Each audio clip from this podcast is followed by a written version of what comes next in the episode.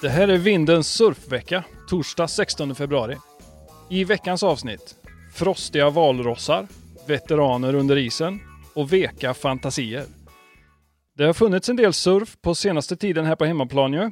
Kanske inte riktigt i klass med södra Europa som här på Supertubos förra veckan. Men ändå, kolla in de här fina linjerna från södra delen av länet. Eller den här sprayen på andra sidan åsen nere i Skåne. Eller varför inte den här perfekta piken borta i Stockholm?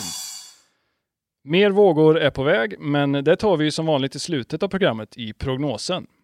Innan dess ska vi ta en titt på det digitala surfet i veckans vågor. Instagram-swellet rullar ju in konstant och överallt, så det gäller att sortera bort det stökigaste och spara det bästa. Här är några guldkorn som jag lyckades vaska fram den här veckan. På tredje plats hittar vi den här bak och framvända wedgen från Ubatuba, Brasilien. Kolla in hur han liksom droppar in, kickar ut och droppar in igen i nästa våg som börjar typ innan den andra slutat. Ja, Ubatuba, vilken våg. På andra plats har vi det här klippet som eh, visar tom perfektion någonstans bredvid en kanadensisk skog. Ganska gött, ej?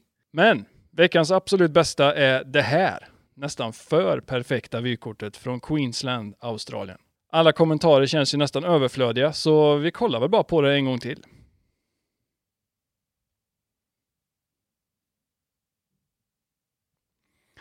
Ja, varsågoda.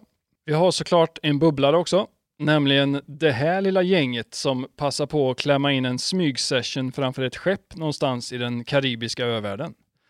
Riktigt delfint. Men om de här småttingarna bara fick dig att vilja se något lite längre så har jag lösningen i veckans video. Filmen som jag vill tipsa om denna veckan går under det riktigt balla namnet Marshmallow Walrus. Precis, Marshmallow Walrus. Två saker man aldrig har tänkt på samtidigt, men som på något sätt ändå passar perfekt ihop. I filmen får vi följa Arbor-teamet som ombord på helikopter, lift och båt utforskar avlägsna vågor och branta bergsväggar i Alaska. Det är något med surf och snowboard kombinerat i sådana här miljöer som gör att man bara vill chartra ett plan och en båt och bli avsläppt mitt ute i ingenstans med bara några brädor och lite brasved i packningen. Ända tills man inser att man är mitt ute i ingenstans med bara brädor och brasved i packningen då, men ändå.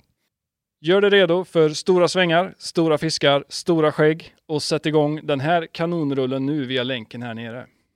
Det har blivit dags att se vad som har hänt i surfsportens värld. Några hit har klarats av på det andra VSL-stoppet på Sunset Beach när det här spelas in. Eventets poster och logo känns ju lite som en 80-talsfilm från Miami, då när hälften av startfältet knappt var födda. Men kanske var det därför också som Florida-ambassadören Slater såg ut att vara på tårna igen. Kelly vann sitt första hit på Sunset sedan 2019 och inspirerade en hel surfvärld att köra fem fenor i brädan. Annat värt att notera så här långt är väl att pipemästaren Jack Robinson åkte på en förlust direkt och hamnade i förlorarrundan. Att veteranen Courtney Cunlogue fortfarande ligger näst sist på damernas ranking. Och att Johnny Johnny såklart fortsätter att hova in höga poäng utan problem. Till skillnad från mitt fantasy-surferlag som just nu ligger på plats 62 244 i världen. I och för sig har jag fortfarande 15 000 lag bakom mig, men ändå. Det finns en hel del att jobba på där. Vi lämnar sporten för den här gången och tar en titt på vädret. Vågorna verkar komma samtidigt som veckan tar slut och stanna hela helgen. En fin sydvästmacka på fredags afterworken följs upp av en nordvästvåffla lagom till lördagsbrunchen. Sen får vi en liten paus och stretcha armarna och tejpa eventuella dings innan det kommer en ny omgång vind från väst i mitten av nästa vecka. Okej, det här var allt för den här gången. Nästa veckas sammanfattning hittar du på vindenvbg.se och så ses vi här igen om två veckor med ett nytt fullproppat avsnitt. Tills dess, ha det bra!